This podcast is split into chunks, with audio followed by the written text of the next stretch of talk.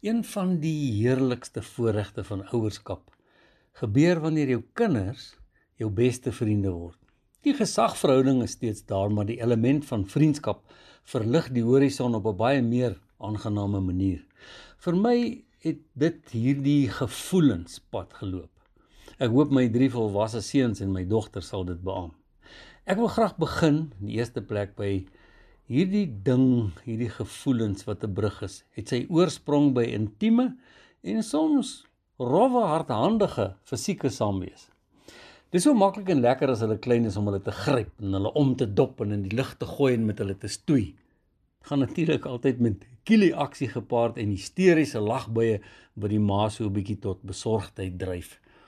Dit behels verder dat jy as pa ook jou deel doen as dit tyd is vir doekeryl en bad. In my geval het dit meegebring dat vrymoedigheid wederkerig begin werk het.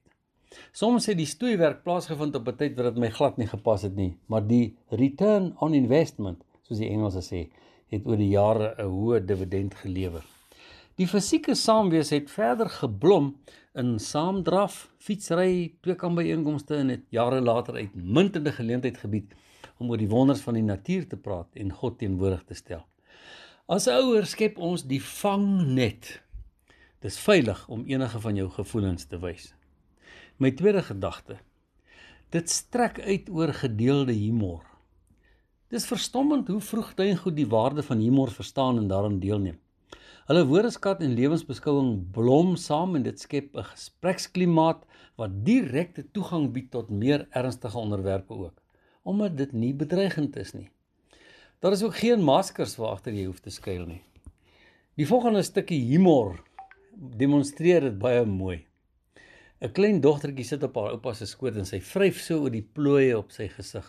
"Oupa, het liewe Jesus jou gemaak?" "Ja, my liewe kind, baie jare terug nog voordat hy jou gemaak het."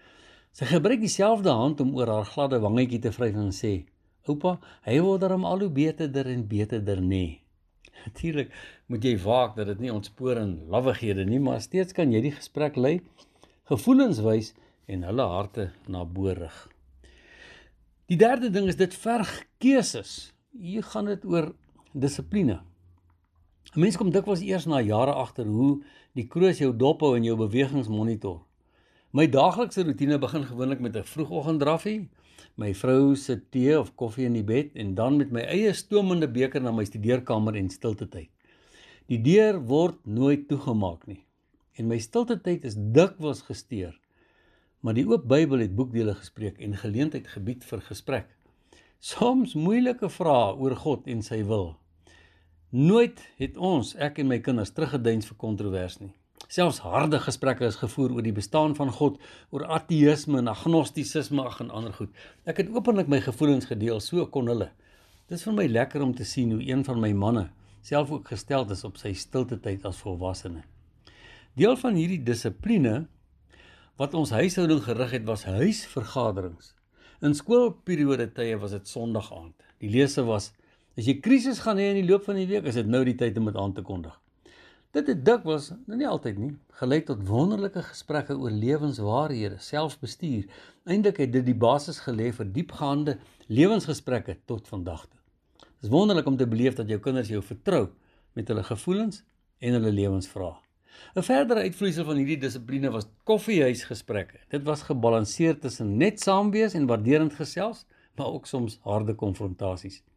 Die feit dat dit weg van die huis af geskied het, het die speelveld gelyk gemaak vir simmetriese gesprekvoering. Aan die ander woorde, niemand oorheers iemand anders nie. Konflikte is hier besleg en die liefde het telkens triomfeer.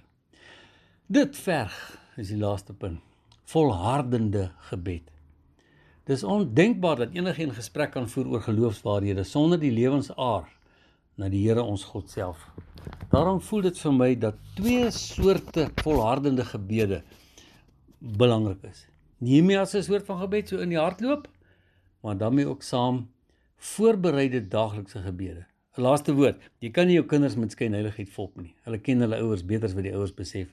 Hulle oë fokus sommer baie groep op gevroeg op egtheid en integriteit. Mag die Here julle seën in julle gesprekke en gevoelens deel.